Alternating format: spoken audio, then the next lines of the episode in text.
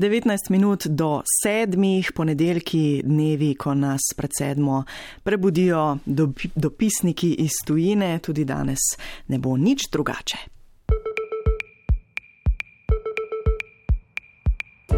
Klicna koda. Dobro jutro iz Washingtona. Good morning from Washington, D.C. Klicna koda, nič, nič, ena. Nič, nič ena smo tokrat utipkali kot obljubljeno. Z nami danes je dopisnik Združenih držav Amerike Andrej Stopar. Pozdravljen, dobro jutro. Dobro jutro, dobro jutro želim. Ne prazničen 2. maj v Združenih državah, ne? Popolnoma. Popolnoma.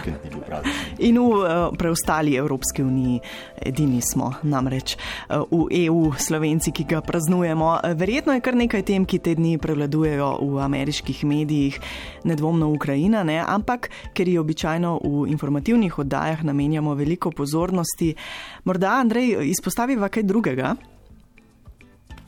Seveda, um, morda tudi povezano nekoliko z Ukrajino recimo volilno leto v ZDA, novembra bodo volitve, umestne volitve, volitve v kongres in tretjino senata.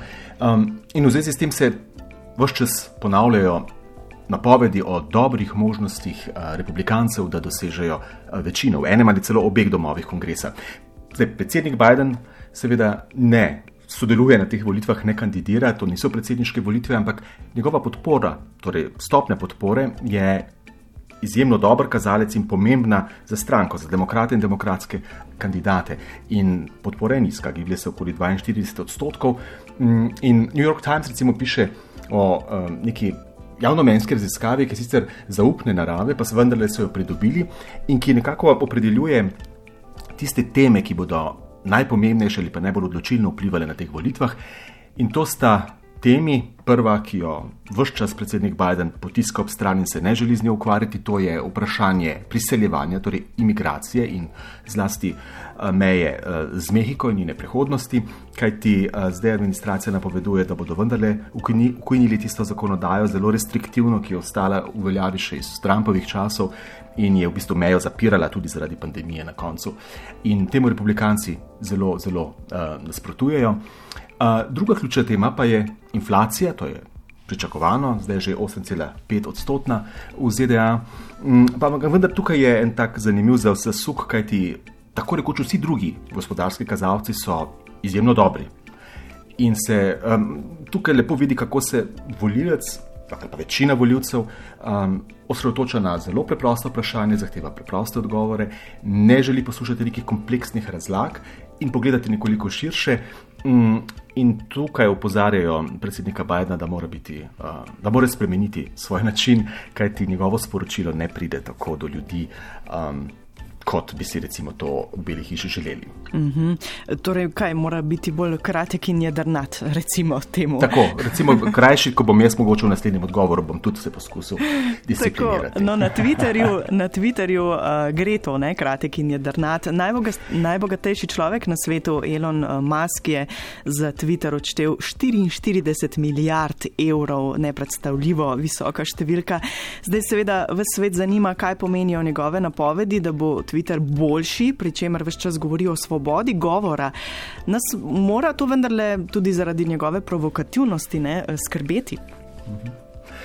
Da, veliko ljudi to sprem, uh, skrbi. Ne? Vprašanje, kaj bo naredil, kajti načelno je to zauzemanje za svobodo govora, seveda pravilno, konec koncev v medijih smo prvi, ki eh, to vse čas govorimo. Ampak mislim, da je težava bolj v zavedanju posameznika, ki se konča njegova osebna svoboda. In um, ravno vplivni voditelji, kot je bil nekdani predsednik uh, Donald Trump, se verjetno nikoli ne vprašajo, kje se konča njihova osebna svoboda. In zdaj, če bo Musk. Um, ukrepov v smeri, da bodo, da bodo te vse približno vzpostavljene mehanizme omejevanja zavajanja, laži, manipulacij in tako naprej, zaradi česar konec koncev je bil tudi eh, njegov račun zamrznjen. Če bo to umaknil in to motiviral s svobodo, je seveda to lahko problematično, um, tako čisto vsebinskem smislu, uh, kot tudi v političnem pogledu v Ameriki, kajti um, Twitter in predsednik Trump uh, sta zelo v kombinaciji zelo prodorni uh, zadevi. Um, in pred volitvami, čeprav ponavljam, niso predsedniške, bi to utegnilo izjemno koristiti. Predvsem republikancem. Ja, Twitter lahko zelo pomembno vpliva na volitve. Ne? Se je glede tega, torej glede Twitterja, oglasil tudi nekdani predsednik Trump? Kako pozorni so mediji na njega? Um, celo oglasil se je. Ne? Zanimivo pri Trumpu je, da je ustanovil uh, oziroma organiziral svoje dru družabno omrežje, družbeno omrežje Truth Social, ampak še bolj zanimivo je, da se tam ne pojavlja. Uh, glede Twitterja je rekel, da se ne namerava vrniti, ampak ker Donald Trump ne slovi ravno po konsistentnosti, to ni nič dokončnega. Um, ampak še zmeraj je zelo navzoč v javnosti, zlasti konzervativni mediji mu posvečajo veliko pozornosti. Um, in njegovim analizam, seveda, eh, politike naslednika, medtem ko liberalni mediji se pa izjemno osredotočajo na preiskave, ki potekajo eh, proti Trumpu in teh je kar nekaj. Um, in na različnih ravneh, uh, bodi si na ravni okrožnih tožilstv, kot je to na Manhattnu, kjer preizkujejo njegove po, potencijalno utajevanje davkov in finančne malverzacije, nekaj podobnega tudi na ravni Zvezdne države New York, tam preiskavo vodi cela, celo uh, ministrica pravosodna uh, države New York, Tisa Jones, uh, James. Um, potem je tukaj um, seveda preiskava, ki poteka v.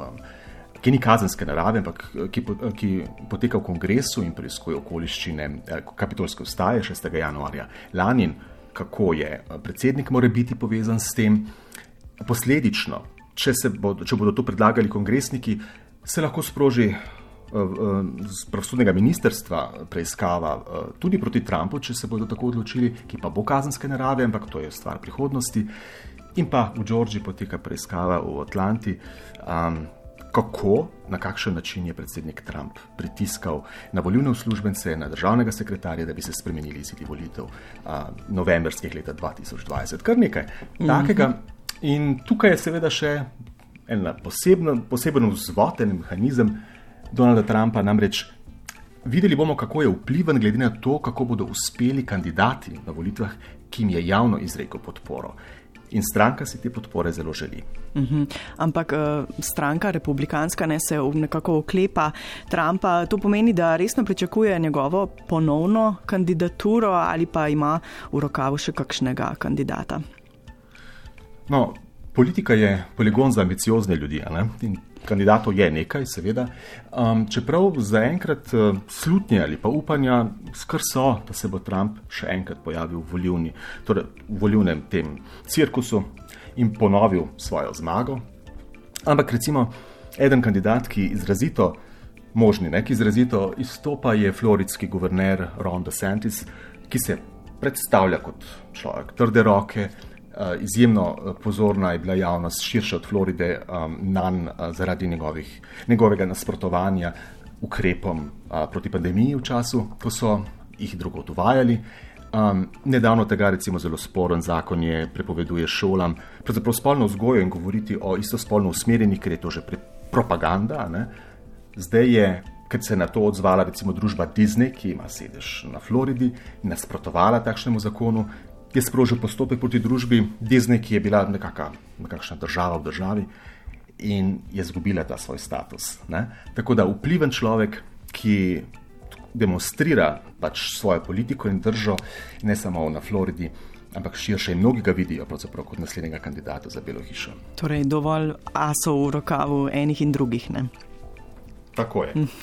Zdaj, v luči povedanega se morda ne sliši tako neverjetno, da tudi v Združenih državah Amerike obstaja spisek prepovedanih knjig. Tega smo bili vajeni v, v nekih popolnoma drugačnih okoljih prej. Obstaja, ampak obstajalo je že veliko prej. Verjetno ne vedo, ne vedo vsi, da je recimo ponekod prepovedana, prepovedan Mark Twain, Huckleberry Finn. Recimo, um, to, ta spisek je tako. Um, Penn je naštel v zadnjih devetih mesecih 1587 naslovov, ki so tako ali drugače prepovedani. To pomeni, ali so prepovedani v šoli, pri pouku, ali v knjižnicah, javnih knjižnicah, ali oboje. In to se običajno zgodi na pobudo staršev, bralcev, zaskrbljenih, zdaj pa tukaj nekaj tem, zaradi katerih knjige prepovedujejo. Bodi si, da so seksualno preveč eksplicitne, uh -huh. ali govorijo morda o, to je sploh nepriljubljeno, o uh, istospolni ljubezni, ali so te knjige uh, morda znemirjajo v nekem družbenem kontekstu, tiste, ki recimo opozarjajo na rasizem, suženstvo, uh, družbene neenakosti. Tukaj so ne samo knjige, ki so recimo leposlovje, ampak tudi tudi non-fiction, tako imenovani. Recimo, kot je prepovedana zgodovinski učbenik um, profesorja Zina, uh, Ljudska zgodovina Amerike. Recimo, uh, zanimivo je, pa zelo po povedno, da je ponekod prepovedana uh, deklina zgodba Margaret Atwood. Prepovedana je bila ljubljena Toni Morrison, Nobelovke. Mm, in tako naprej. Skratka, naslovov je veliko, nekateri so presenetljivi, drugi ne ampak izkazujejo pa pač zelo nevaren trend. Ne samo, da se knjige prepovedujejo, oziroma se izuzemajo iz a, fonda, ampak tisti, ki to predlagajo, ponekod zdaj zahtevajo kazensko odgovornost, recimo od knjižničarjev, zakaj so jih sploh uvrstili v knjižnično ponudbo. Ali pa učiteljev, če želijo kaj, o čem govoriti pri pouku, pa so starši zelo proti. Zanimivo. Pa ti se z nami bi nam nekako morali nastaviti ogledalo, ne? če smo že pri tem. Zelo, kajti o vsaki stvari je mogoče govoriti, a, ampak seveda, tako je to kot pri svobodi, uh mhm. -huh. na odgovoren a, in recimo spoštljiv, analitičen način. Vsekakor, tako kot uh, zdaj le s tabo. Andrej Stoper, hvala za uh, tole javljanje v klicno kodo, pa uh, lep začetek zdaj že majskega tedna ti želim. Ne? Najlepša hvala in tudi vam vse dobro in lepo zdrav, Slovenija. Lepo zdrav. Druga jutranja kronika oziroma jutranja kronika samo ob praznikih sledi zelo k malu, sedem minut je do sedmih.